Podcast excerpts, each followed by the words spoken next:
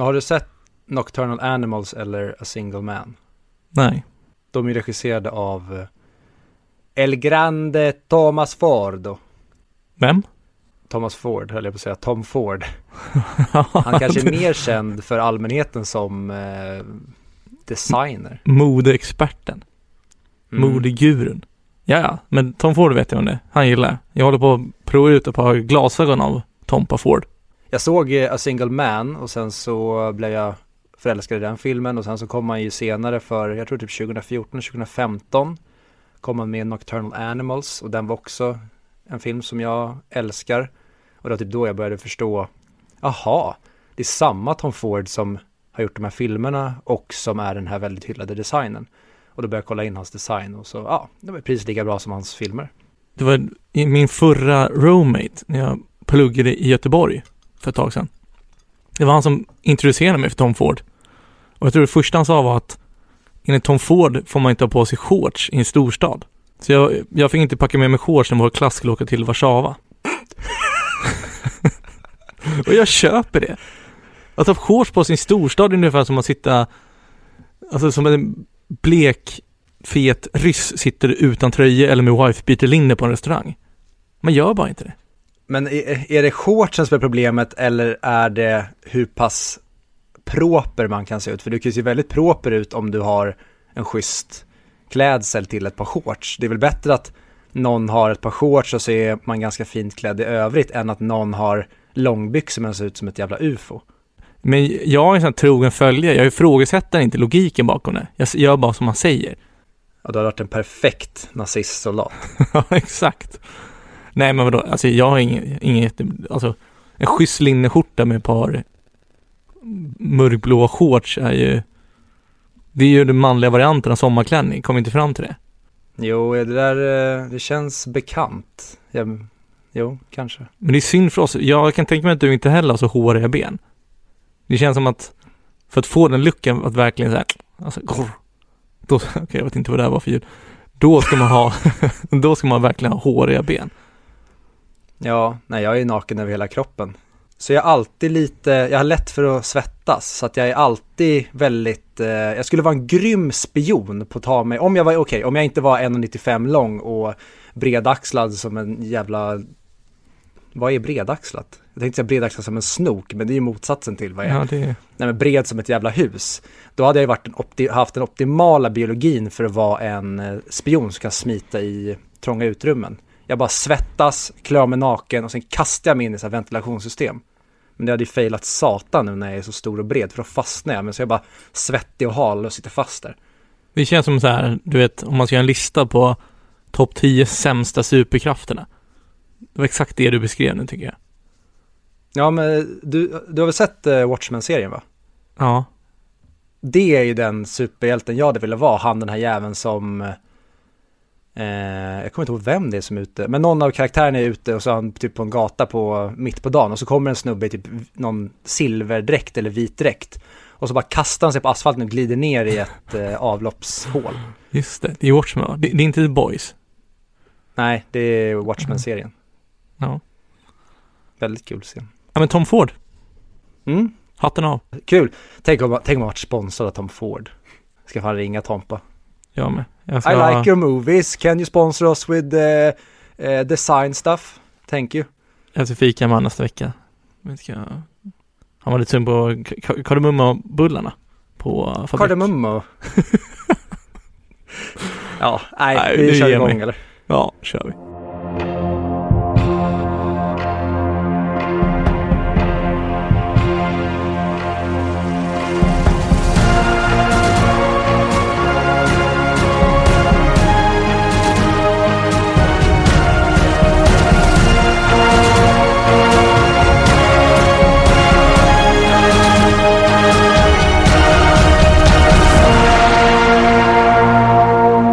Varmt välkomna till ett avsnitt av 100 Mic Podcast, det vill säga podcasten som går igenom IMDBs topp 100-lista men inte Charlie Chaplin. Aldrig någonsin, någonsin, någonsin Charlie Chaplin. Vi har då kommit fram till placering 46 på den här oerhört intressanta listan som är filmen The Prestige som är gjord av min absoluta favoritregissör Christopher Nolan Eh, och filmen kommer då ut 2006. Den här filmen antar jag att du har sett innan Viktor då också? Du, du kanske inte vill spoila? Jag tänker inte säga någonting förrän vi kommer fram till filmen. Kul, det var det jag ville höra. Som vanligt har vi då ett samarbete med Moviesin som är Sveriges största online-magasin för filmer och serier. Kan jag starkt rekommendera om ni inte redan känner till det, vilket de flesta som gillar film gör. Jag läste en, en intressant tråd de hade nu. De, de säljer sina, sina kuddar. Skämskudde. Har du sett det? Mm, de har ju nyligen öppnat en webbshop där de säljer eh, ja, men t-shirtar och annan kul eh, rekvisita heter inte, merchandise heter det ju. Som är filmrelaterad med roliga filmcitat och som du säger en skämskudde är ju klockrent att du gör en kudde där du trycker skämskudde på. Som du kan sätta upp över ansiktet när du skäms när du ser en skämmig filmscen eller film. Jag läste att det var ett wise ass, kunde lika gärna varit jag för tre år sedan, som hade kommenterat Ska det inte vara ett bindestreck där, annars blir det ju skämskudde. Men vad då? om det sitter ihop så är det ju inte skämskudde, men var det särskrivet? Ja men det, ja, men det är så skäm, sen på nästa rad är det kudde. Det måste vara bindestreck för att få ihop dem. Ja jävlar. Men det, det där är en grej, det blir Aj, så aj, aj. jävla mycket fulare att sätta ihop det. Så det, det där är ju en, en regel som man blundar för i allmänheten. Mm. Ja, det är jättesvårt det där med bindestreck när det ska bli rent estetiskt. För som du säger, Mm. det är mycket snyggare att strunta i det här bindestrecket. Och för kudden skulle i det här fallet då så är snyggare att ha två rader. Men då blir det ju en särskrivning. Ja. Tyvärr. Nej, eh, men om vi säger så här nu då. Har du någonting du vill berätta? Antingen hur du mår, någonting du har sett, någonting du gör just nu eller har gjort. Nej, och det är aldrig någon som bryr sig om hur jag mår eller vad jag har gjort. Så att det tänker jag skita fullständigt i. Någonting som jag däremot är intresserad av att prata om, på tal om, inte på tal om, men det är kopplat till filmen vi sen kommer att prata om. Men just det här med, jag är intresserad av att veta hur du ställer dig i frågan, vad tycker du är mest imponerande? En skådespelare som sysslar med method acting eller går fullt in i rollen och lever rollen?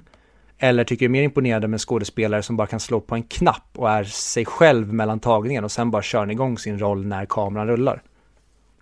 Mm. Det är mer, alltså det är mer imponerande tycker jag. Eller det är imponerande av olika skäl.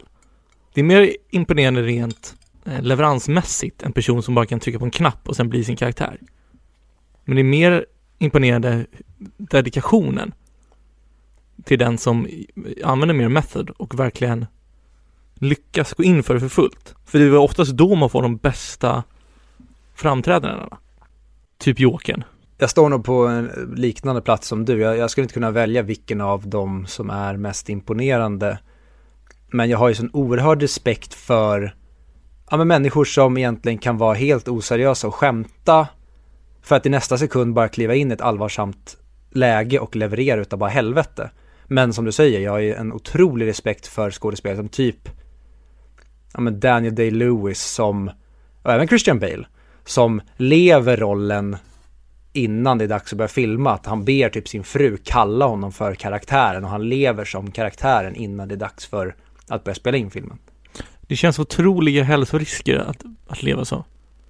Ja, och har du familj och, och när, alltså närstående som lever runt omkring det måste vara extremt påfrestande. Tänk för Daniel Day-Lewis fru att leva med Abraham Lincoln. Behöver kalla honom med nytt namn varje gång. Tror jag han blir arg då också? Som, det är väl Christian Bale som den där klassiska klippen när han skäller ut någon. Ja, det är väl någon ljudtekniker som fuckar upp en tagning och han tappar det. Kan vi inte, kan vi inte lyssna på det en gång så spelar vi upp det här i podden? Jo, det, det, det går aldrig att lyssna på för många gånger.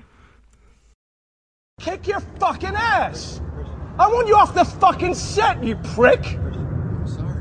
Sorry. Now, don't just be sorry. Think for one fucking second. What the fuck are you doing?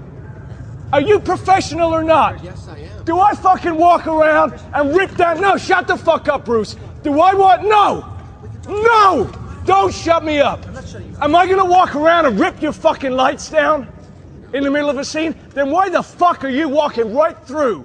Ah, da da da da, like this in the Han blir background. så jävla arg. Li- l- vi kommer ju länka hela klippet för ni som vill hö- höra, för det är typ fyra minuter långt så jag. Ja, vi kan ju klippa in en eh, kort, den kanske mest rageiga delen. Men tydligen så, han blev väl lack för att det var någon som gick under en scen. när de filmade, så, i, så råkade, han visste inte om det tror jag. En eh, ljud eller ljustekniker. Ja, undrar hur det gick för den personens eh, arbetskarriär efter det. Ja. Ja, Det är synd vilken makt de där har. Men tror du att han blir för arg på sin fru också om frun skulle kalla honom vid, fel namn? Samtidigt som jag inte vill att hans fru ska få utstå att han dedikerar sig så hårt till konsten så älskar ju en Christian Bale när han är riktigt arg. Men jag satt och funderade på det när vi kollade på The Prestige och det baserar inte bara på hans insats i Prestige utan även på alla andra roller jag sett Christian Bale i. Jag tror nog ta mig fan att jag tycker att det är hans generations bästa skådespelare. Och Bale är det. Ja. Han är ju samma generation som Leo och Leo håller jag egentligen, men han kanske är mer den största filmstjärnan.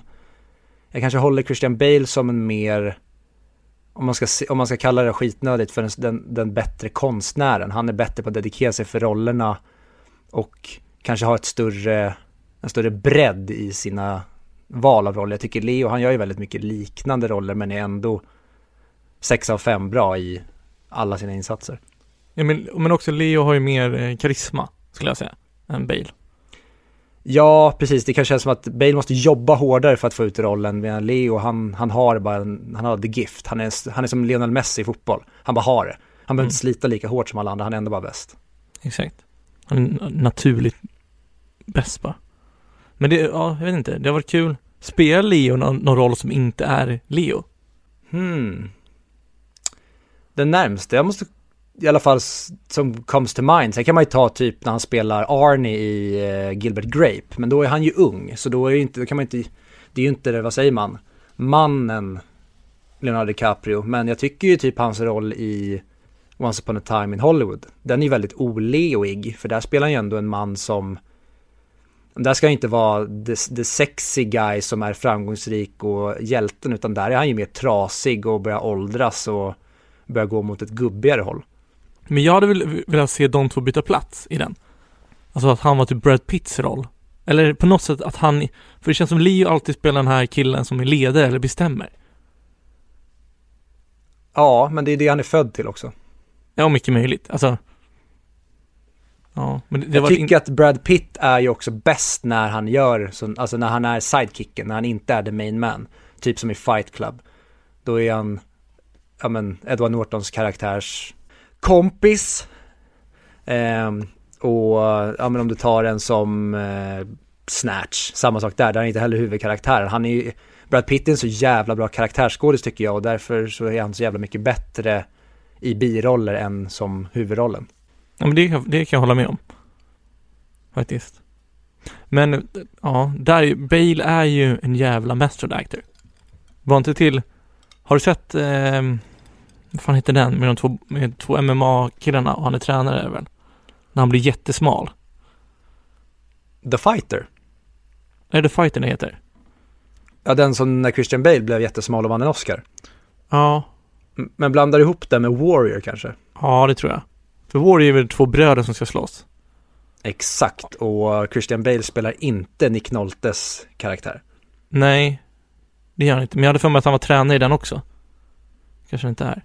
Han är ju sin eh, brorsas tränare i The Fighter, alltså Mark Wahlbergs tränare.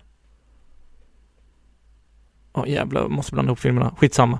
Eller hur? Fan, jag har inte sett den sedan den kom ut. Ja, men jag är nästan säker på det. Don't quote me on it. Ja. Men det, det, men det är så här, det är ju så otroligt många bra filmer Bale har varit med i. Om vi ska prata om han. Men det, men det känns fortfarande inte, att det känns som han sällan är på tapeten när man skulle säga, ja men eh, nämn den största skådespelaren.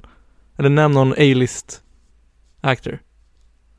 Ja, och det älskar jag med honom, att han är ju enligt mig då den bästa skådisen, han är inte den största stjärnan. Exakt. Och där tycker jag, okej, jag tycker att Matthew McConaughey också är en otrolig skådespelare, men han är ju mycket mer en stjärna än, än skådespelaren Matthew McConaughey i mina ögon i alla fall. Ja men det är det här som vi kommer komma in till antagligen. Det här, en, en person som är en performer eller en som faktiskt är bäst på det den gör. Mm. Men innan vi kommer till det. Men finns det någon som bara kan så, byta på studs? Har du någon sån exempel som är otrolig skådespelare? Hmm. Nej du, det står still i Mitt lilla, lilla huvud. Fan, jag har ju en som jag brukar gå till som den här bara on-off-knappen, men nu... Ah! Men f- finns det också någon skådespelare skådespelerska som, som spelar roller som inte är som sin egen personlighet? För Leo känns som att han spelar sin personlighet fast i olika grader. Kanske dåligt exempel, men en person som aldrig är sig själv, som alltid är utklädd, är Johnny Depp. Men han är ju lite sån där själv också, är han inte det? Det är han säkert. Skrev, skrev inte han ett avtal i blod på en servett någon gång? För typ, Ingen för typ en aning, gitarr han säkert köpte för typ två miljoner. Alltså, ja. Johnny Depp har gjort många märkliga saker. Men jag älskar honom som skådespelare. Jag älskade honom som skådespelare, men när man till slut blir ett sån, vad säger man, man, man blir en eh, parodi på sig själv, vilket han verkligen blev. Att till slut var det ju verkligen att även när han inte var utklädd och sminkad, så var han ändå utklädd och sminkad. Om du tar typ Black Mass som är en bra film, där, jag kommer inte ihåg vad gangsten heter, men eh, även om du tar den här Harry Potter-filmen nu med Grindelwald, där han var med. Mm. Även då när de bara, de hade kunnat göra en eh, normal Johnny Depp lite mer nedtonad. Nej, ändå ska de hålla på och göra honom med superkrittvitt hår och mustasch och i Black Mass så ska de göra honom med linser och hålla på igenom massa fräknar i facet och sätta på honom någon extra fat makeup. Det, han kan aldrig få bara vara Johnny Depp. Eller jo, han kanske var i den här typ The Tourist, men den såg jag inte för den hörde jag skulle vara skit. Ja, det är väl Ricky som hånar sönder den hela tiden på Emmy-galorna. Oh. Ja, men jag håller med. Men för övrigt, nu hoppar vi mycket, men en annan grej som jag tänkte på. Kan du komma på någon som är den sämsta, den, den största stjärnan, men som har gjort sämst filmer? Eh, Nicolas Cage. Snacka inte skit om Nicolas Cage. Nej, jag älskar honom, men han är väl känd som det. Eller Steven Seagal. Oh, Ja, men då, Steven Seagal ser, garvar man ju också åt när man ser honom. Han, man tar ju inte Steven Seagal på allvar. Man, man ser ju ändå honom som en B-skådis. mm. Och jag kan hålla med dig om Nicolas Cage, men Nicolas Cage har ju ändå valt att göra många av de här filmerna för att han tycker att det är kul. Han är ju en skön snubbe. Han tycker ju om att göra, ja men som nu senast, vad vad har jag gjort senaste åren, typ Mandy och Color Out of Space. Jag har inte sett dem, men de ska vara tydligen vara helflippade. Mm. Och han, han verkar ju som en skön dude, bara vill göra roliga grejer. Men jag tänker mer en som har satsat och vill bli kanske en Leonardo DiCaprio-karaktär och typ har fått det erkännandet. Men när man tänker och kollar igenom ens typ eh, bibliotek så ser man att den här personen har ju typ ta med fan inte gjort så mycket bra film eller ens några alls. Får bara gissa på en kriterie till en sån person. Mm. Hen måste ha gjort en film som blev väldigt bra och som måste ha varit så här öppningen till så här, okej, tar den här personen rätta kliv nu, då, då blir hon eller han A-list och sen har han bara tagit halv kliv åt sidan och fel kliv och allting. Men det måste finnas en film som verkligen så här, det där, det var en bra film. Ja, men jag skulle säga att den skådisen som jag tänker på när det kommer till det, jag, har, jag kan nog inte säga en enda film som jag tycker är wow. Den personen har en väldigt bra karriär. Mm. Okej, det är en hon. Hennes karriär kom igång väldigt bra. Och hon har ett par bra filmer under Ja. bältet och, och, och hon har gjort bra filmer genom åren. Jag, Men när man kollar igenom så är det så här, eh, jaha, Jag vet ja, vem det eh, ja, eh. Vem då? Jennifer Lawrence? Nej, för fan. Okej. Hon är ju, hon har väl ett par Oscars under bältet också. I och för sig, det har, det har den här personen också. Men den som jag tänker på är Angelina Jolie. Kan du säga en svinbra film som hon varit med i? Tom Raider.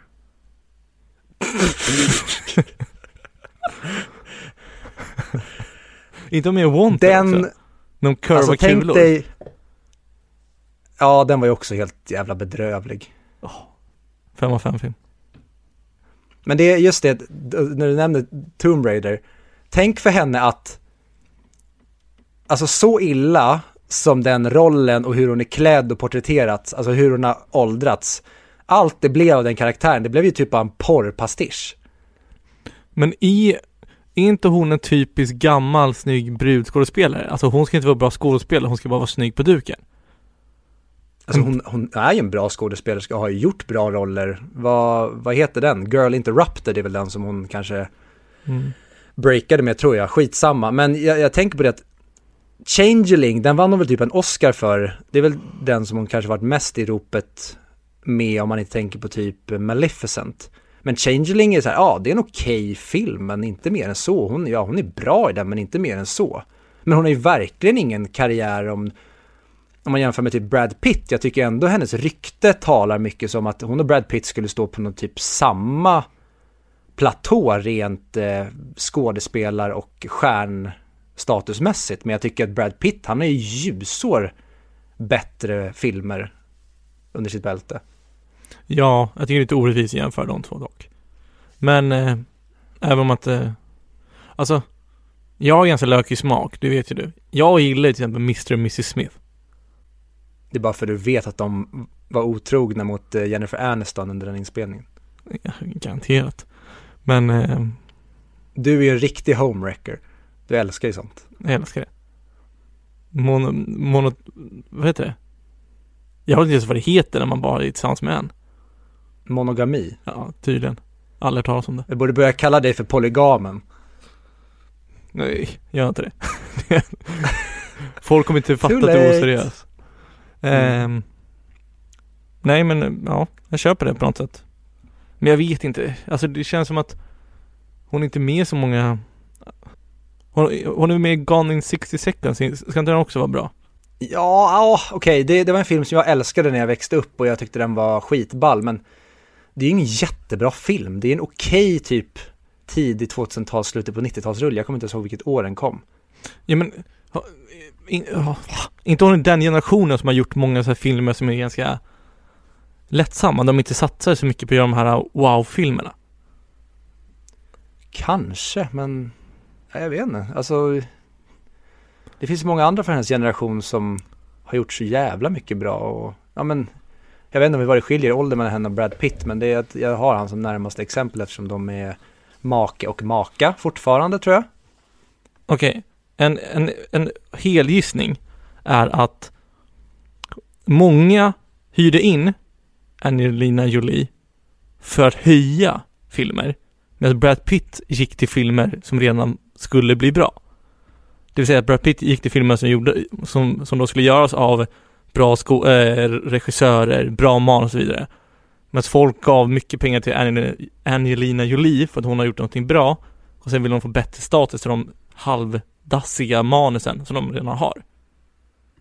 Ja, eller så har hon bara varit extremt dålig på att välja sina projekt och det är kanske där hela vi hittar svaret. Jag vet faktiskt inte. Ah, tråkigt. Så. Min teori var rolig tycker jag, så vi säger att det var så. Ja, jag håller med dig. Men eh, på tal om teorier. Ett annat ord som börjar på T är trolleri. Och det, det är vad de gör i The Prestige. Jag älskar det. Det är den, den, den enklaste övergången i världshistorien tror jag. Vi tar en bokstav som det här ordet börjar på.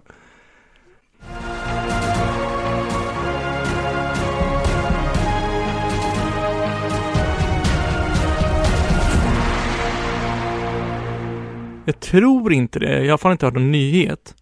Men bocken i Gävle har vi inte brunnit upp än. Nej, jag, jag läste någon tweet om det, där någon som skrev att 2020 har varit så fucked up så att i år är väl bocken som bränner ner Gävle. Om du hade fått uppdraget i år att tända eld på den jäveln, hur, mm. hur hade du gjort det? Eh, nu har vi pratat om eh, lite grann Leonardo DiCaprio och då har jag ju färskt i minnet hans eh, flamethrower från Once upon a time in Hollywood som han bränner den där jävla hippien med i poolen. Så att jag blir sugen på att sätta på mig en rygga och sen ta geväret och bara gå fram till bockjäveln och bara bränna och bränna och bränna tills, ja, den inte står längre. Visste du att jag har alltid haft på min bucketlist att en elfstad i Sagan ringen ska sponsra mig? Ja, det passar ju perfekt då att vi är sponsrade av ett företag som typ heter samma sak som en alv i Sagan ringen skulle kunna heta. Visst låter det som det? Mm. För vi eh, har ju en ny sponsor. Det, det, det som comes to mind när det kommer till brandsläckare, det är ju de här fula röda som alltid fanns i skolor och idrottshallar och det som man är, det känns som det känns som någonting ursvenskt, men det finns säkert i andra länder också, men det är verkligen någonting som, ja, när jag tänker tillbaka på typ skoltid och då tänker jag på röda brandsläckare. Och därför var jag så jävla glad när vi då fick Heimdall som sponsor, där vi då har en brandsläckare som är svinsnygg. Ja, okej. Tänk nu, ni som lyssnar, hur många bostadsbränder tror ni att det årligen inträffar i Sverige? Om ni har en felmarginal på över 20% av det rätta svar som jag snart kommer säga, då får ni fan gå in och köpa en brandsläckare. För det visar bara hur okunniga ni är och hur lätt ni kan brinna upp. Är det en deal eller? Och rätt svar är alltså 25 000. 25 000 bostadsbränder i Sverige årligen. Som rapporteras antar jag, det finns säkert fler. Och det är sjukt att bara 15% av svenska hushåll har en brandsläckare hemma. Absurt. Nu kommer läsas eh, alla specifikationer för er som är nördiga på det. Det är två kilos pulversläckare med den högsta släckeffekten på marknaden för just den storleken. Wow. Mm. Lagom till jul så har vi eh, fått då en eh, rabattkod som är då MZ20, alltså MZ20 som ger 20% när ni köper en brandsläckare på deras hemsida. Så istället för ordinarie pris 499 använder ni rabattkoden MZ20 så kostar den bara 399 istället. Det, det, det låter ju dock som att vi har fått någon rabattkod som blivit över till en annan. De har, de har, de har sponsrat någon annan, så de inte orkar göra en ny rabattkod till oss. MZ, du menar Moviesin? Är det Moviesins vi har tagit? Vi är en del av Moviesin-familjen för i helvete. Ja, vart kan man, vart kan man kolla på de här Viktor? Imdal.com och det är då mdall.com och eh, ja, slå in rabattkoden i kassan och se till nu för i helvete att beställa hem innan jul så att ni inte behöver sitta i aska och äcklig brandlukt och käka julbord.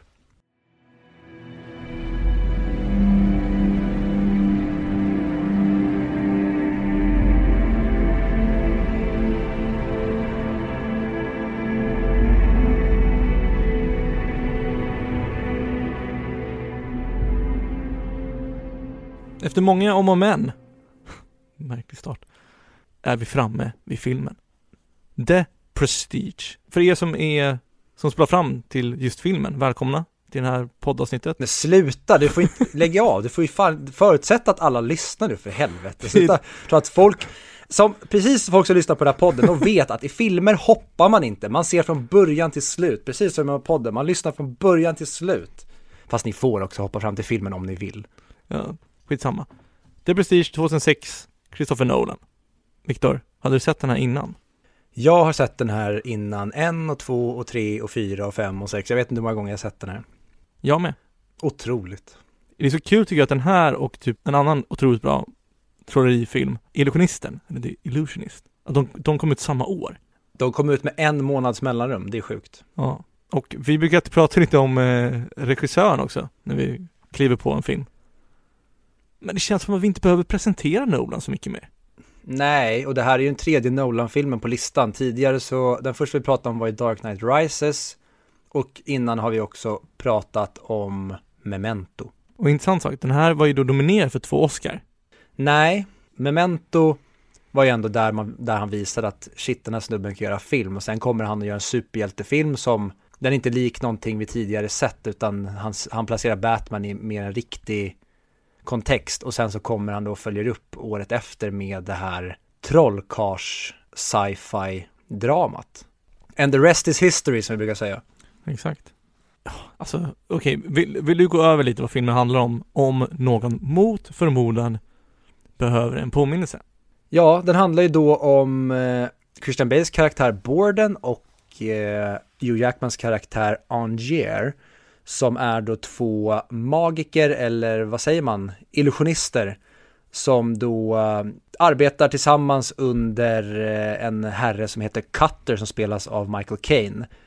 Och i början så då jobbar de tillsammans men ett uh, tragiskt dödsfall gör att de istället blir rivaler som båda är besatta av att få reda på varandras hemligheter och det här driver dem till någon slags galenskap kan man väl kalla det kanske. Jag tror inte det spelar någon roll vad fan, jag försökte säga det lite maskerat, men alla, de, de flesta har ju sett The Prestige och de som inte har sett The Prestige, get the fuck out of this pod and see The Prestige för att ni kommer inte ångra er. Nej, det kommer inte. Handlingen är väl baserad på en novell Om inte jag uppfattade fel. Ja, Jonathan Nolan och Christopher Nolan har ju då skrivit manuset baserat på en tidigare story. Kan inte så mycket mer än så, men jag vet att de har skrivit det på en tidigare förlaga. Exakt. Men var ska vi börja tycker du?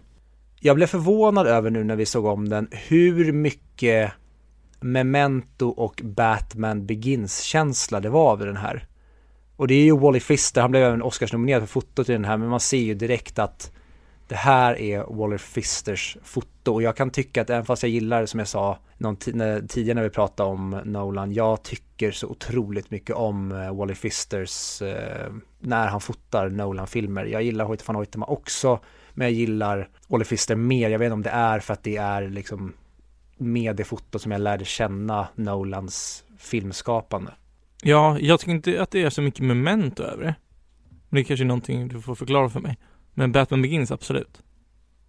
Men ta typ bara monologen i början när man, eller bådas monologer när man får höra deras eh, berättande, när man hör Angers inre monolog och när man hör Bordens inre monolog så är det väldigt likt i tonläget och tempot som Guy Pearce karaktär har i Memento. Det här med att han, han berättar samtidigt som han egentligen lägger pusslet i sitt eget huvud. Okej, okay, ja men det, det kan jag köpa. Men ja, fotot tycker jag inte är likt.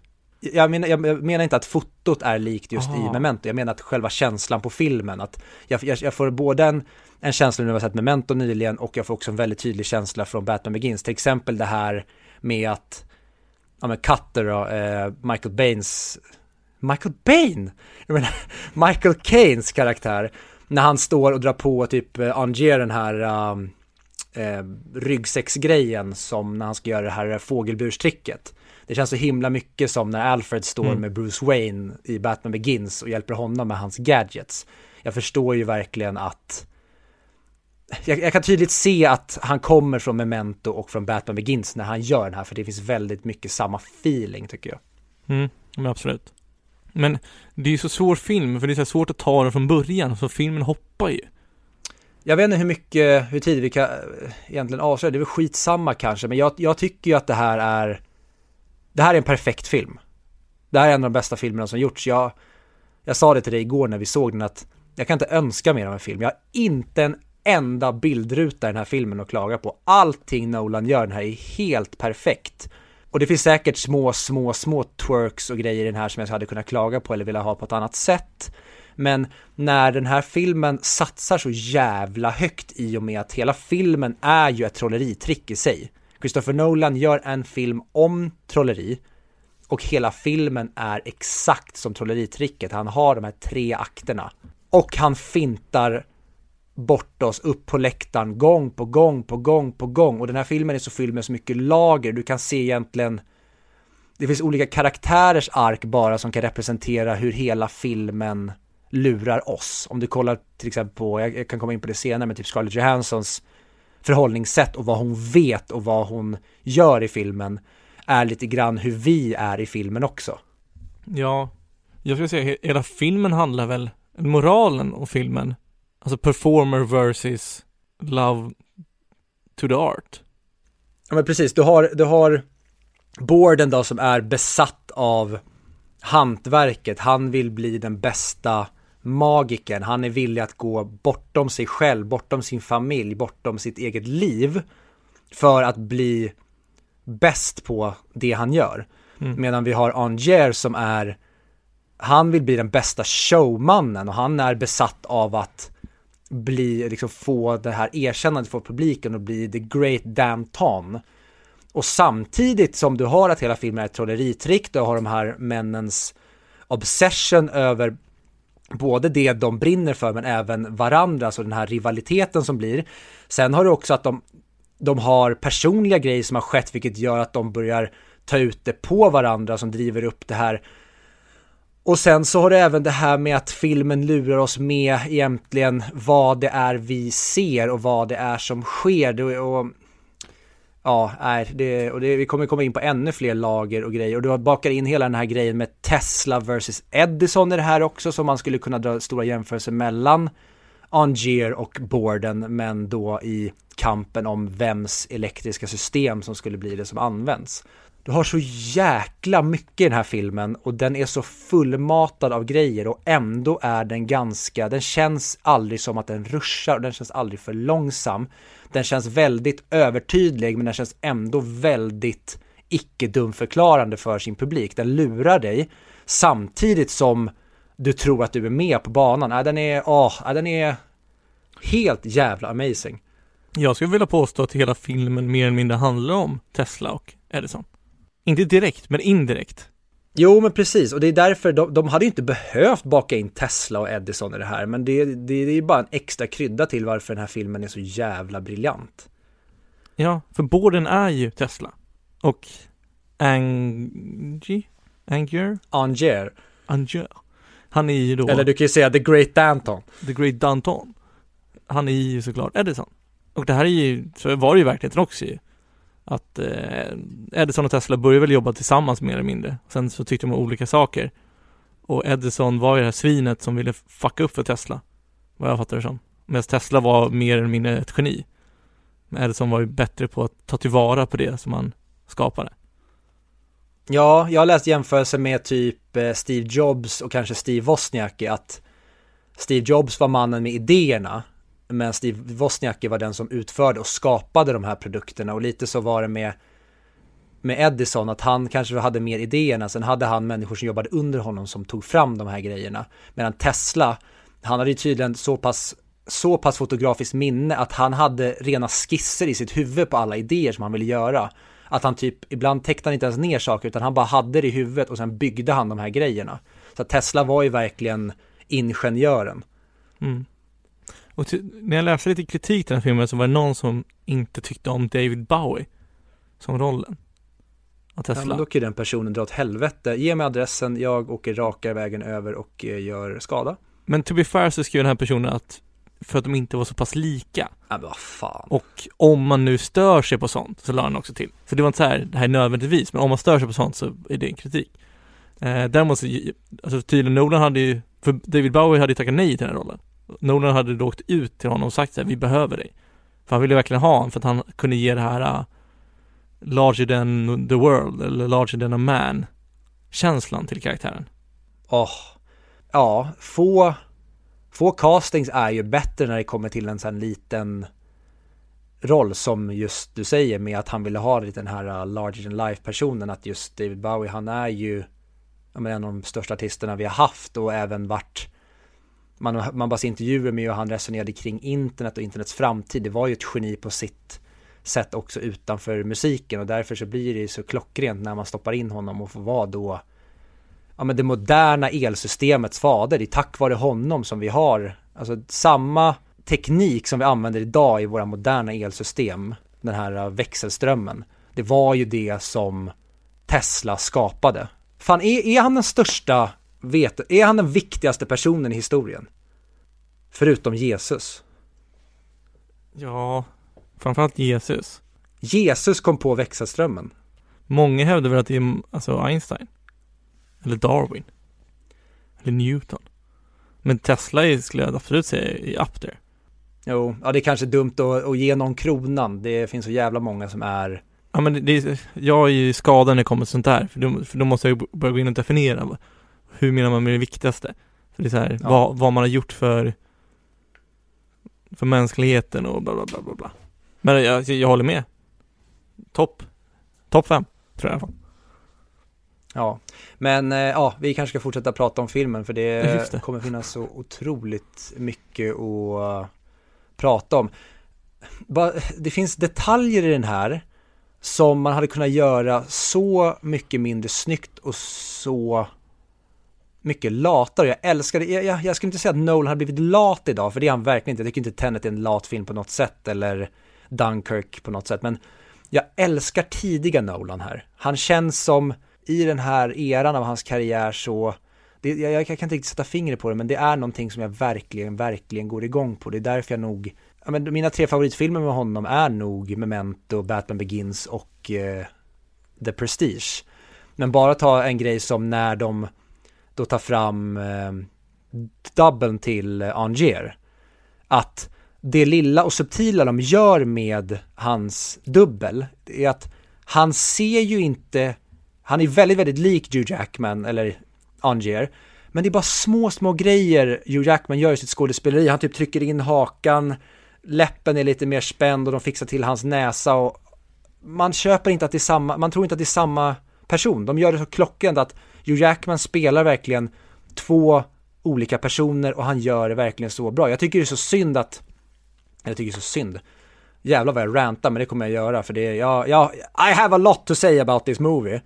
Men att Hugh Jackman, han får, jag vet, inte om han, jag vet inte om han har fått mycket cred för den här men jag tycker att han är så underskattad i den här för jag tycker att han, han skådespelade på en så jäkla otrolig nivå i den här. Om du kollar på hur Angier är i början, den här han har hopp, han är glad, han är kär, han, han, är, han vill vara liksom en showman i början av filmen. Och sen hur du ser galningen han blir i slutet. Att de vitt skilda, den resan Angier gör.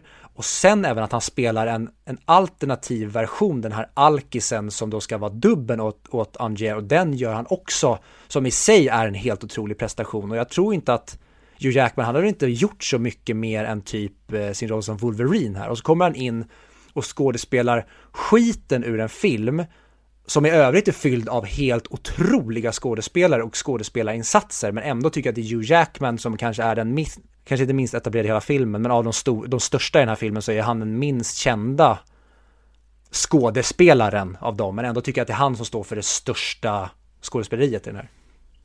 Ja, jag kommer ha, ha lite koll på alla lager. Lager ett är ju där Niklas Tesla, Edison versus varandra det vi kommer in på nu i det här nummer, lagen nummer två, att de säger hela tiden för att vara på toppen, de måste ju smutsa ner, de måste få dina händer smutsiga. Och det är, det, det är den resan som vi får följa. Och om, kan man bli bäst genom att inte vara lite dirty? För det, det är det borden hela tiden säger, att publik, det måste finnas en risk för att du ska kunna göra de bästa tricken. Du måste offra någonting för att kunna komma till toppen. Så det, det är lag nummer två. Så vi kommer nog fortsätta med det här, men jag håller med. Älskar hur han är i början när han pussar på Alltså, säg vi så här, när båda två kommer upp på scenen så ser man direkt hur de är som personer. Borden i den här, han går bara och gör sin grej, svarar på frågorna. Medan eh, Angier, han är lite mer så här, åh hej publiken, åh lite nervös, jag får komma upp på scenen, oh, jag undrar vad som händer. Han spelar ju verkligen sin roll, men, men Borden orkar inte det för han vill ju bara lära sig trolleri. Ja, och det följer med genom hela filmen att Angier blir större trots att han stjäl Bordens trick, men han vet hur man säljer tricken och en show. Och det blir också det som en del som föder, ja men som i till exempel scenen när Borden kommer in och förnedrar honom och får honom att hänga från taket. Där gör ju mm. han det för att, ja, jag har min show tvärs över gatan men den lockar inte lika mycket folk för att jag är inte lika bra showman som honom är. Men jag är ju den bättre craftmannen. Ja men exakt, det är ju när han också, när han, den rätta, the great Danton, den riktiga. Det är när han mm. bryter benet typ, för han tar bort kuddarna och, och hänger upp eh, lookaliken. Men eh, vi kan ju prata om hela deras relation, för det pratade vi om när vi såg filmen att jag hejar verkligen på båden, jag avskyr verkligen the great Danton. Ja, och det där är intressant, för jag vet inte, jag har inte frågat andra den här frågan om just det, vem man hejar på för i början av filmen då tycker jag ändå att filmen målar upp Borden som att han ska vara den som man inte tycker om i och med att han blir beskylld att han han gör den här knuten då som eventuellt ledde till att Angiers fru dog, att Michael Caines karaktär Cutter och Angier, de går vidare och samarbetar och egentligen stöter ut Borden och då, då känns det som att filmen vill att man ska tycka att Borden är the bad guy och att man ska heja på Anger. Men jag gör verkligen aldrig det. Jag hejar på Borden från start. Och sen vet jag inte om det är kanske någonting som Nolan misslyckas med, men jag vet inte ens om det är det han vill göra med att man ska skickas fram och tillbaka eller att man ska heja på båda. Men för mig blir det aldrig någonting annat än att jag sympatiserar med Borden genom hela filmen. Men det vill säga hela början som du sa, att det, om det nu var att han knöt den knuten, vilket jag antar att han gjorde, så var det ju dels en överenskommelse, men det var ju också inte med flit. Så att då The Great Anton vill gå och skjuta honom känns som en ganska alltså, lätt överdrift. Eller? Det är klart det är det, men samtidigt, vad fan, om han nu anser att den här personen på grund av att han ville göra ett, han då ville gå längre i den här konsten, den risken ledde till att hans fru dog, då förstår jag att han kanske, för redan där kanske man ser tecken på att han håller på att tappa det. Och där kan man förstå också att han tappar det så pass mycket som han ändå gör mot slutet när han blir så pass galen som han ändå blir. Ja, men hade, hade han verkligen gått och dödat den andra?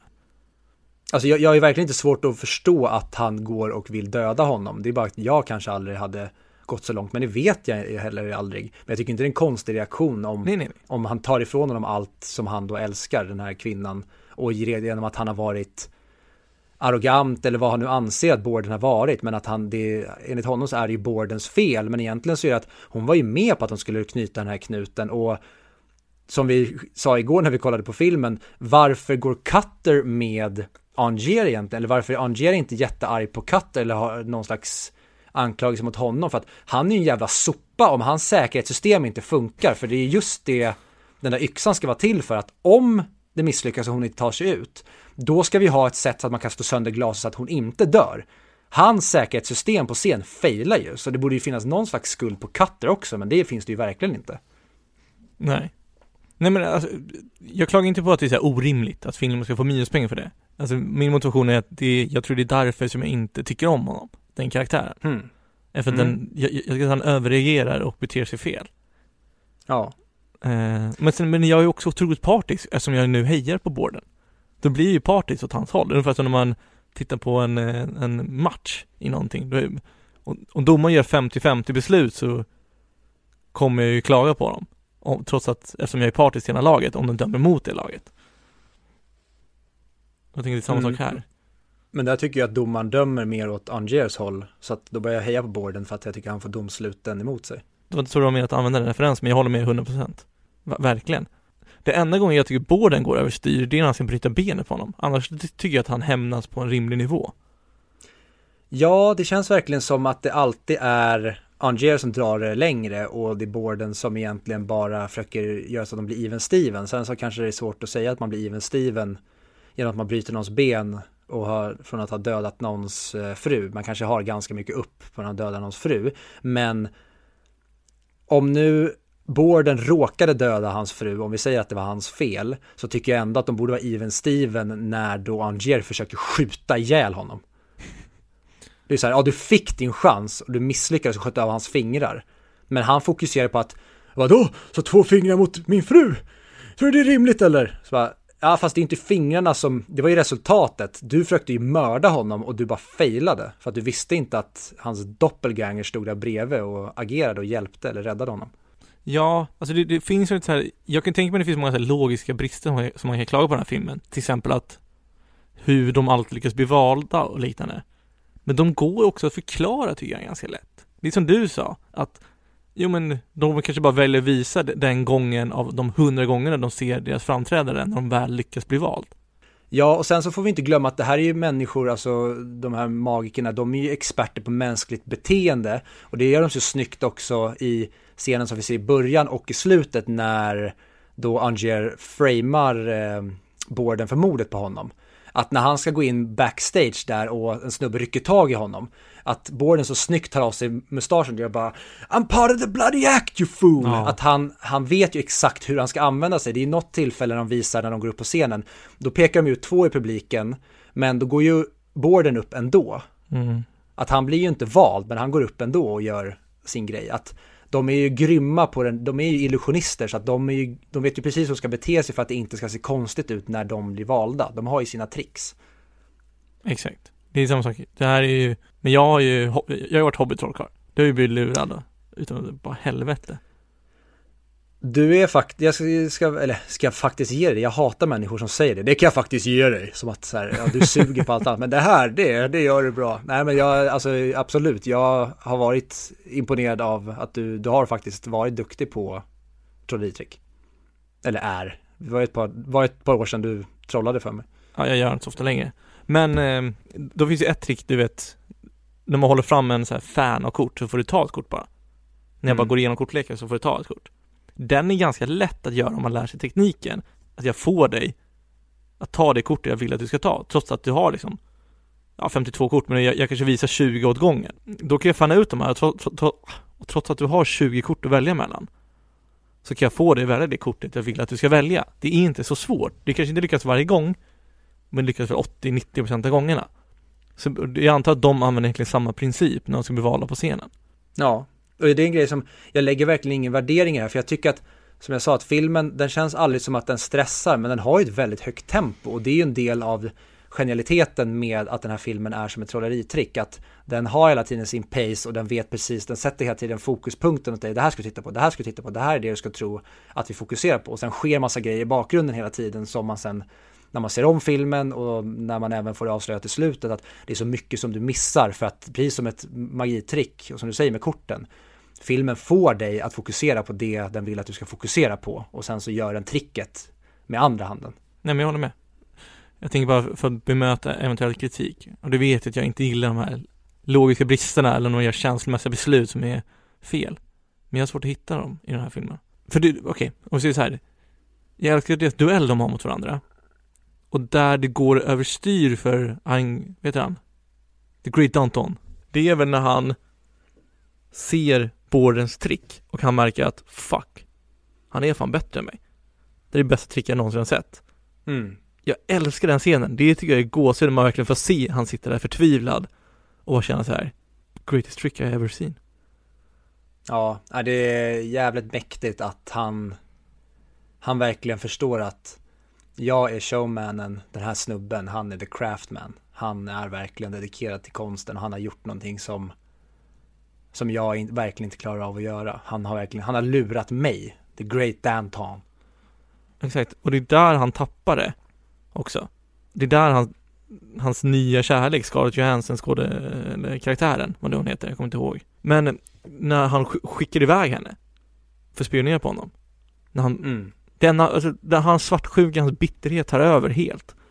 Ja, och det är också en så briljant grej att det är samma sak med filmen där. I en vanlig film, då hade det varit när hon skickas iväg dit av honom för att då nästla sig in hos, hos eh, Borden.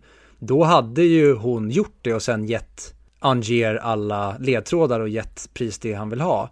Men det är så snyggt sen hur man tror att det ska hända, men sen så berättar hon att han bryr sig inte om mig, han är bara besatt av det här. Han skickade iväg mig som en jävla hund. Mm. Som att jag var någon slags tjänstefolk som bara skulle utföra hans eh, jobb. Han brydde sig aldrig om mig. Och det är också ett så snyggt tecken på att när han tappar det, att han han slutar verkligen att bry sig och jag älskar vad det gör för honom att hon kliver över till Bordens sida och blir förälskad i honom och servar honom. Och det är där han kommer på, han kommer på sin masterplan. Hur ska han bli av med honom? Jag skriver en fake journal eller fake dagbok. Ja, och det är också ytterligare ett steg att de båda skriver de här journalerna som man, de läser varandras böcker. Och att de i sig är ett trolleritrick, att de läser igenom och sen så blir det haha, gotcha. Och sen blir det en gotcha igen på båda två. Jag älskar ju också det i slutet att han får vinna, att Borden får vinna. Om man nu kan kalla han vinner, för båda förlorar ju alltså indirekt och det är lite det som är det är det jag gillar med filmen, det är ingen klar vinnare, båda har gjort sina uppoffringar för konsten. Men jag tycker ju att The Great Anton har gjort uppoffringar av fel skäl. Ja, för det, det älskar och det tror jag är därför jag egentligen hejar på Borden, för att han jagar ju aldrig någon. Och det gör ju egentligen Andrea genom hela filmen. Han jagar ju Borden genom hela filmen. Och är alltid steget efter. Och sen så när man tror då att filmen spelar ju en spratt med att till slut så blir det att haha, Anger vann för att han fick fram maskinen av Tesla och blev han gjorde det, alltså han gör det tricket som Borden gör fast han gör det på riktigt. Han har blandat in riktig magi. Och sen så blir det att det backfire på honom för att då visar det sig att aha, okej, okay, men Borden han var äkta hela tiden så att när Angier tror att han har vunnit och dödat Borden, nej, Borden är fortfarande kvar, kommer tillbaka och dödar honom. Att det verkligen, i slutet där, då är det verkligen ping-pong gacha. Det är där som jag själv börjar tvivla på vem som gör mest uppoffringar han som lever ett dubbelliv och får se sin älskare hänga sig själv, brutalt för övrigt, eller han som inte vet om han kommer överleva tricket eller inte. Ja, och det, det älskar jag också i den här filmen med att de planterade tidigt med att du måste skita ner dig som vi pratade om, om du ska kunna nå hela vägen. Och det är ju när Angier faktiskt skitar ner sig och går hela vägen, det är då han når den nivån. Han blir ju faktiskt det som Borden är på, till slut också, om man inte, man skulle nästan kunna säga att han är, det blir liksom en metafysisk nivå av det Borden gör, att Borden han, han kopierar allting genom som att han hugger av fingrarna när det händer den ena, då gör han det på den andra och att de kopierar varandra och kan varenda grej, att båda måste kunna alla trick. Men Angier, han, han han kopierar sig själv och som du säger, han vet inte om det är han som kommer att överleva.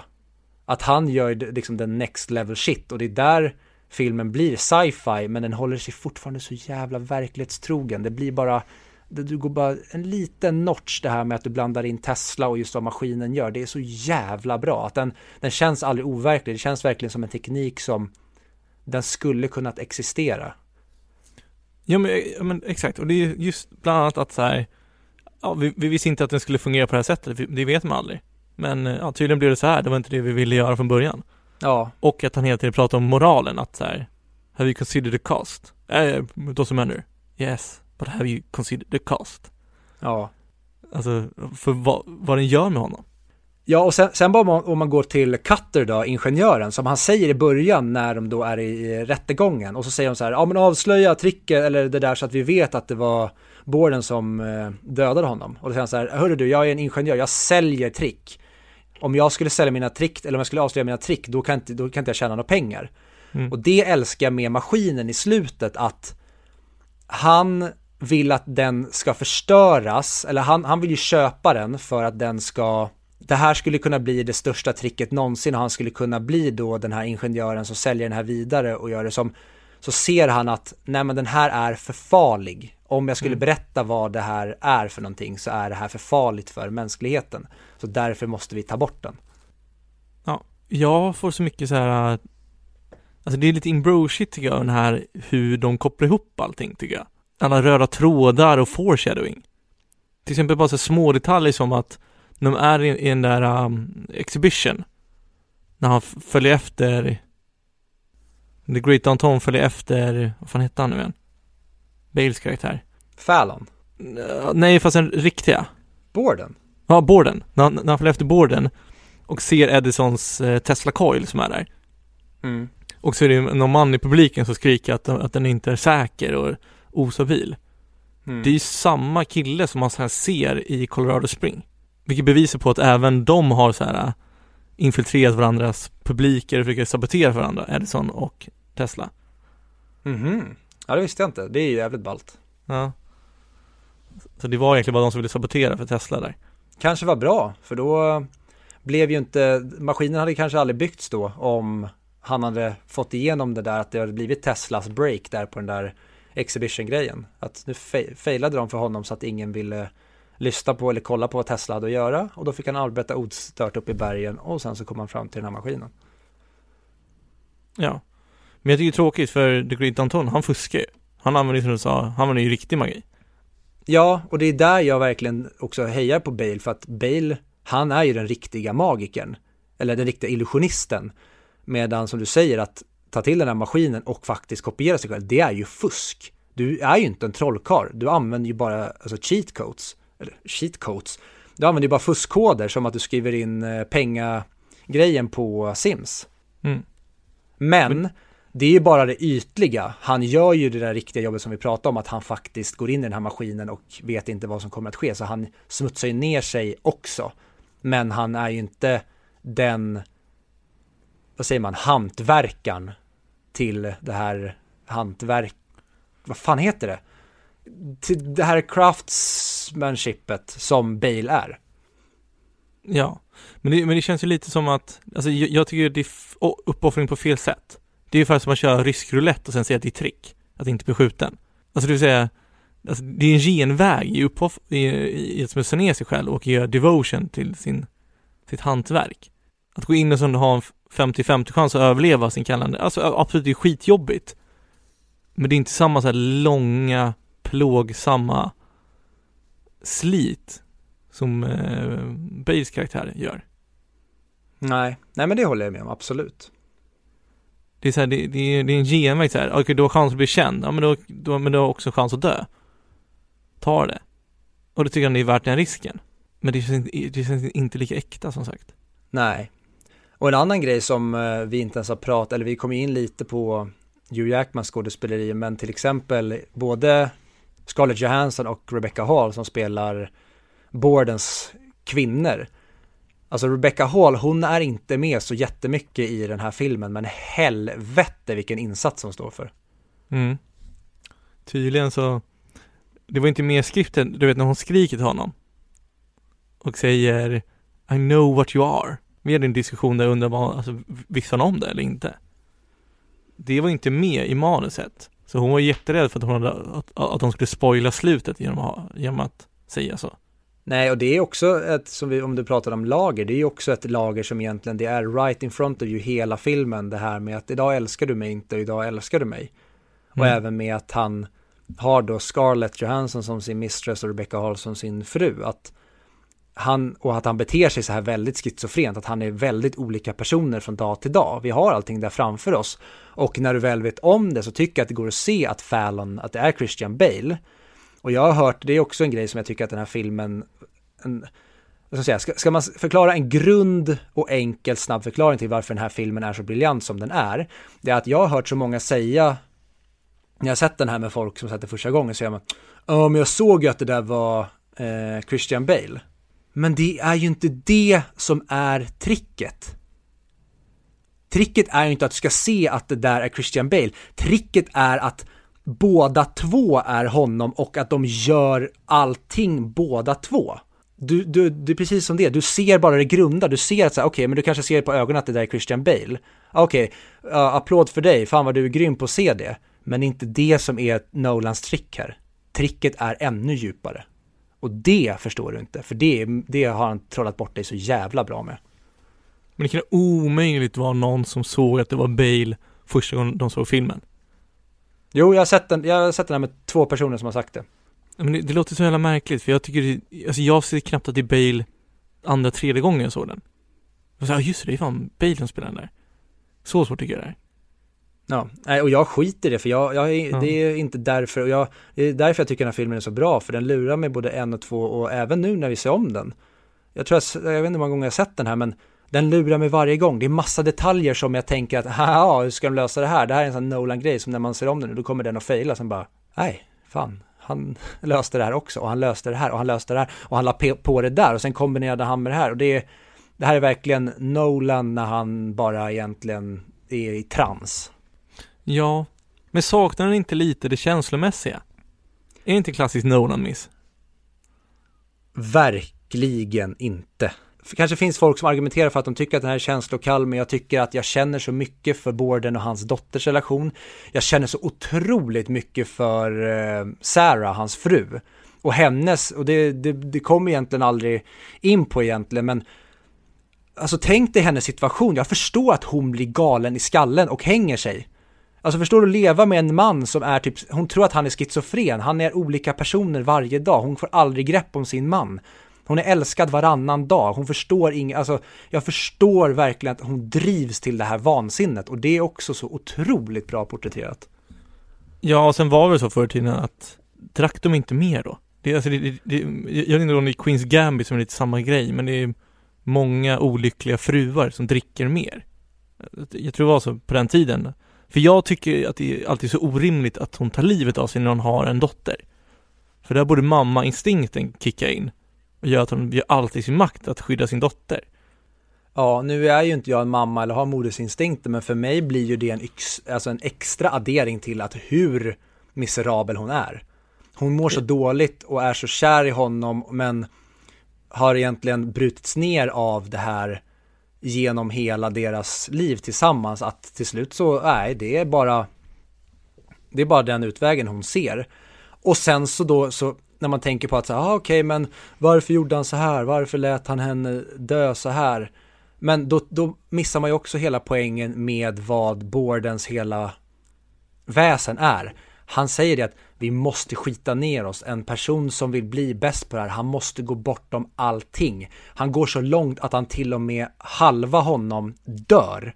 han förlorar sin familj, alltså han går verkligen så långt som det bara går. Man kan prata om uppoffring och den här risken som Angier tar. Men den vägen som Borden gör, den här dedikationen, den är ju så otroligt mycket längre. Ja, men det är därför han säger precis innan han dör väl också. Abracadabra. Precis. Och så säger han genom hela det här med att eh, när han förlorar fingrarna så säger han, men jag kan fortfarande göra det här tricket som de kommer komma ihåg mig för. Och det är egentligen ja. det det handlar om. Han vill bli den här stora magiken, men han vill inte bli ihågkommen som showman. Han vill komma, bli ihågkommen som magiken. En cool grej för övrigt. Eh, det är han eh, Kina-killen som gör med vasen tror jag det är. Eller jag vet inte, jag vet inte om det är han, men det är en som heter Chong Ling Su som var en sån karaktär på scenen. Som spelades av en person som heter William Ellsworth Robinson. Som var en vit man som eh, maskerades, vad säger man, som disguised, vad är det på svenska? Han är en vit man som maskerade sig själv som en kinesisk man för att locka med så här exotiskt och få in mer pengar. Och han bröt aldrig karaktären, inte ens i, i alltså in public när han var utanför scenen. Men sen dog han 1918 för han skulle köra ett bullet catch trick. Alltså fånga en kula och någonting gick fel. Och då sa han sina första ord på engelska han hade sagt på scen på 19 år. My God, I've been shot. alltså om det är sant så är det en fantastisk story. Mm, och till den asiatiska mannen i eh, filmen när de, de står och säger det rakt ut att ja, han lurar alla på scenen.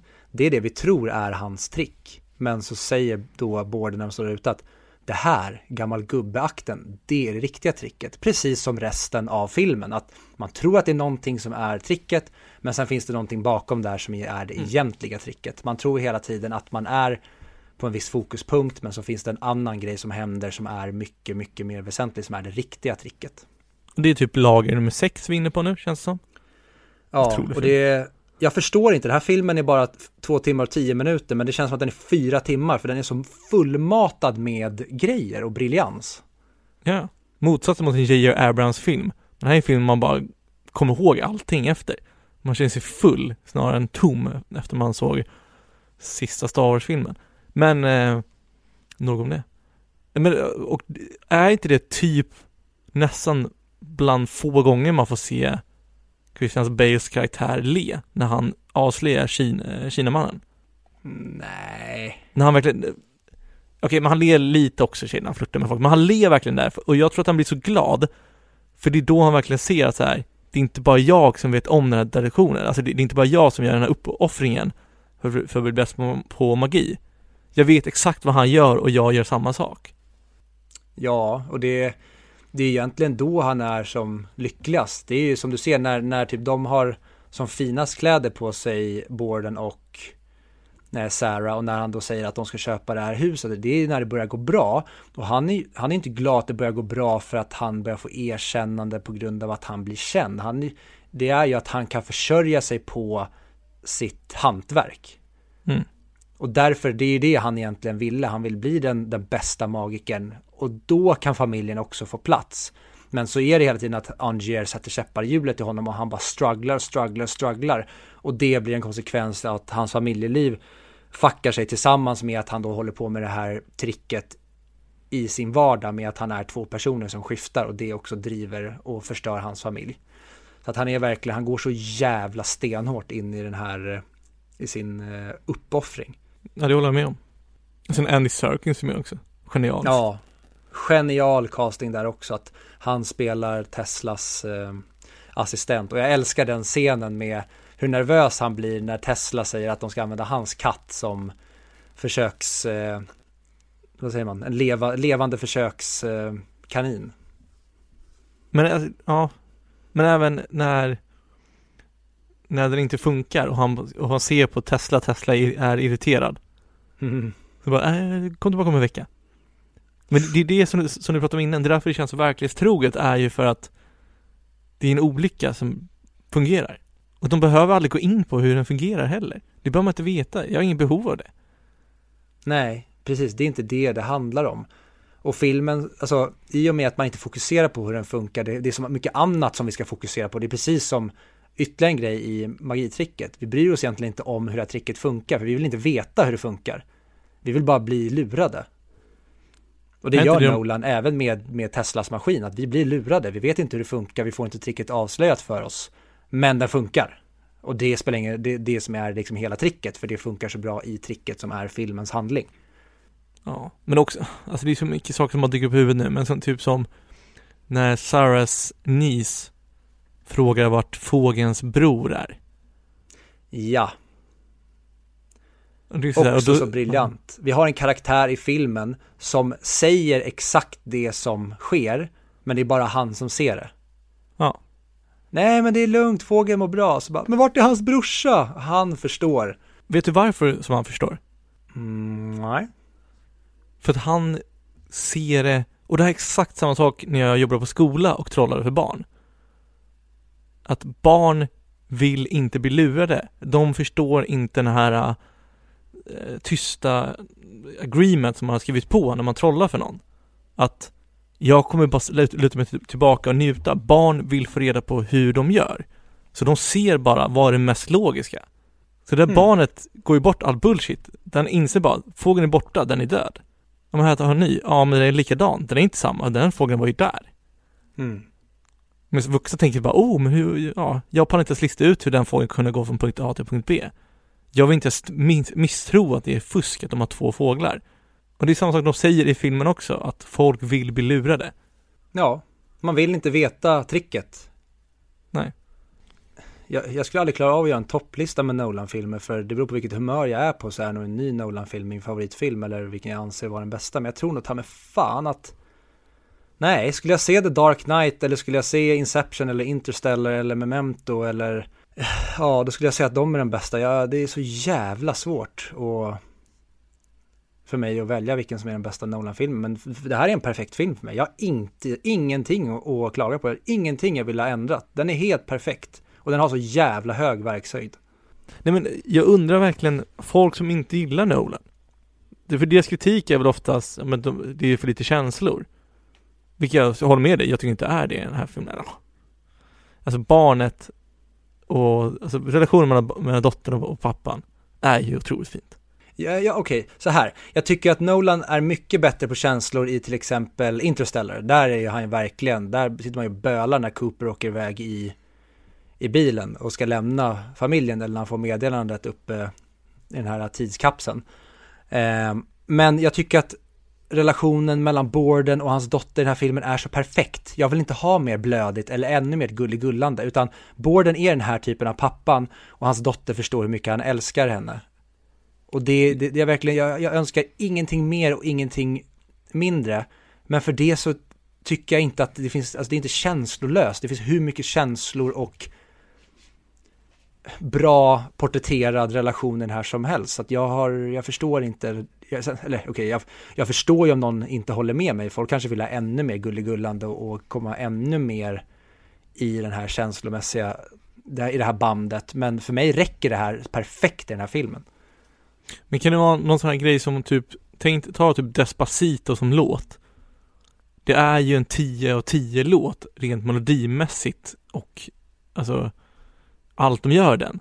Men den, men den sjunker ju i värde i och med att alla älskar den och att folk kanske nu hatar Justin Bieber av någon anledning fortfarande. Och sådana där saker. Kan det vara en anledning till att många eh, alltså fäller Nolans och Nolans filmer? Mm, nej, då skulle jag snarare säga att Despacito är en låt som, ja, den är skitnice och trudelutta på, men den har inte så mycket mer djup än så. Det är kanske det folk tycker att relationen mellan typ det känslomässiga är i den här filmen. De kanske tycker att den funkar bra, men när de börjar fundera på den så känns den lite tom och kall. Men jag tror inte att det är att det är på grund av vad andra tycker om den och, och baserar du vad du tycker om en film eller låt på vad andra tycker om den, ja då måste det vara jättejobbigt att kunna leva hela ditt liv baserat på vad andra människor, eller och förhålla dig till andra människors förhållningssätt till saker. Ja men det handlar inte bara om det. Jag tänker om, du måste se en film varje dag i ett år, då kommer Mm. du ju tröttna på den. Det kommer ju sjunka rent så här objektivt. Absolut. Du, du menar att vadå, att folk har tjatat, sönder den här filmen så att den är... Nej, ja, Sönder. Mm, men kanske folk diskuterar för mycket. Jag vet inte. Hmm. Ja men det är ju sig sant. Nu, jag kopplar till Despacito, men just i filmen kan man inte säga så. För det är inte som att någon skulle tvinga någon att se en film hela tiden. Nej. Men jag, det är ju det som är synd också för att du och jag, vi älskar ju den här uppenbarligen. Jag hade velat ha med någon som kanske är mer Nolan-allergisk och kanske hade kollat på den här och inte är lika begeistrad som du och jag är och kanske vill peta hål på våran ballong. Men det känns verkligen som att alla tycker minst att den här filmen är jättebra. Sen kanske vi tycker att den är 4 av 5. Men det känns verkligen som att det här är en av de filmerna som är, det är en av de Nolan-filmerna som är generellt högst lägsta betyg bland människor. I alla fall det baserat på vad jag har läst och pratat med. Ja. Det här är ju ett kostymdrama. Och jag brukar ha svårt med kostymdrama för att väldigt ofta känns det som att det tydligt är ett kostymdrama, att det är människor i lösmustascher och ja, men, plommonstop och stormhattar och vad den är. Det känns alldeles för uppklätt. Jag köper inte världen, men den här världen är så otroligt äkta. Och det tror jag är för att det känns inte som att de är dressed up. Det känns mer som att de har på sig kostymer och mer så här Nolanska kläder som Nolan har i sina filmer fast de har satt det i den här tidsepoken. Det känns väldigt, väldigt down to earth och allting är på, allt är mekaniskt, det är så otroligt lite effekter i den här. Som bara man hör när han Cutter drar upp eh, den här eh, dräkten som eh, med fågelburen. Man hör bara så här klick, klick, klick, klick, klick, klick, klick, hur det bara knakar och klickar om allting. Och samma sak när, när Bale slår ringarna mot varandra. Allting känns så himla äkta och eh, levande. Det känns verkligen inte som att det finns en tillstymmelse till teater i det här och det tror jag att de har satsat så stenhårt på att få till just därför att det är så mycket on stage och performing i den här. Att vi måste få den här världen att kännas äkta för annars kommer ingen köpa när de är på scenen och utför de här tricken. Mm. Jag tycker de gjorde det genialiskt där faktiskt. Men ska vi gå till betyg? Vill du börja eller ska jag börja? Ja, här, snabbt, smidigt, enkelt. Det här är 10 av 10 för mig. Den, eh, den här, och det här är återigen, vad fan, jag vet inte vilken Nolan-film jag skulle placera, därför blir det så svårt att sätta, men jag säger 10 mick. Oj. Jag tycker det är en av de bästa filmerna som har gjorts. Ja, jag tycker, alltså, de bästa filmerna är de som jag tycker att man får med sig efter man sett filmen. Som man så här, liksom inte kan släppa i huvudet någon dag efter. Det tror jag man får bara av filmer som har en viss nivå av djup i, i relationer och det känslomässiga. Sen så är det så, jag kan inte riktigt köpa alla de här logiska bristerna, typ som var, varför, varför skulle han bli dömd och så vidare. Så sju eller åtta. Nej, skämtar, det är en tio av tio. Jag tänkte, vad i helvete, var ska vi hamna nu? Ja men det här är nog, vad, vad blir min femte, tio, tio film tror jag? Eller fjärde. Eh, ja, topp 15, 15 mick. Jag tycker inte det är toppen, men eh. Nej men okej, okay. min, min jag, jag satte ju också den här typ 15, den är ju någonstans 10-15, jag vet inte när, om jag skulle mm. plocka in alla Nolans filmer på min topplista, då kanske den här skulle halka upp en 15 plats eller när vi är klara med den här listan så kanske det visar sig att jag satt för många på topp 10 som, ja, någon måste jag putta ner, men nu i den här så pass nyligen som jag ändå har varit, då är det här en av de bästa filmerna som har gjorts för mig och därför sätter jag den, typ som du säger, 10 till 15. Mm, kul. Eh, Väldigt kul. Kan vi bara lägga till att vi, alltså, vi, vi, vi har ju fortfarande Studio som sponsor. Vi får inte glömma Studio, nu blev det ju fokus på Imdal Ja, men vi är ju sponsrade fortfarande av Studio och där vet väl du bäst. Vad är det för eh, rabattkod och procent, procent som gäller? Ja, det är ju så här. Jag vet inte exakt vad de har på sina sidor, men vi har ju 15% rabatt stående till eh, årsslutet med rabattkoden 100MIC 100MICC. Men det har ju varit så tidigare när de kör rabatter, vilket jag antar de kommer göra under mellandagarna, för det känns många som gör det så brukar de dra ner vår till 10% rabatt och man kan använda den gemensamt med den rabatten som finns på deras sida. Så man kan ju få till exempel nu under Black Friday så kunde man få upp till 35% rabatt, vilket är kanonbra.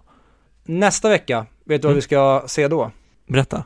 Då är det dags för Damien Chazelles Whiplash. Ooh. Jag hade ingen aning om att den låg så här högt upp. Det är en film som Nej, skit, jag ska inte säga någonting. Det var en film jag verkligen inte var redo på att den skulle ligga på IMDBs topp 50-lista. Men eh, för er som vill se den, har ni HBO Nordic så finns den att se där. Annars kan ni hyra den på Blockbuster, Google Play, iTunes, Rakuten TV, SF Anytime, Viaplay eller YouTube Movies. Och följ oss som vanligt. På Facebook, Instagram och Twitter tycker jag också ni ska följa oss på. Eller mejla oss till vår mejladress som är 100micpodcast.gmail.com. Jajamän. Är vi nöjda? Jag känner mig väldigt nöjd. Det är säkert massa grejer med den här filmen som jag känner att jag har glömt att säga, men jag får skylla mig själv. Kan ni avsluta på samma sätt som Prestige fast ni byter ut watching till listening? I'm Michael Caine. I, I, you want to be fooled. Nej, det blev någon jävla gay bane. I was born in it. Molded by it. Du vill bara säga are you, are you listening closely? Are you listening closely? Nej, det låter som en döende man bara. Cut. Ja, vi hörs nästa vecka. Hi, hi. Hej, hej.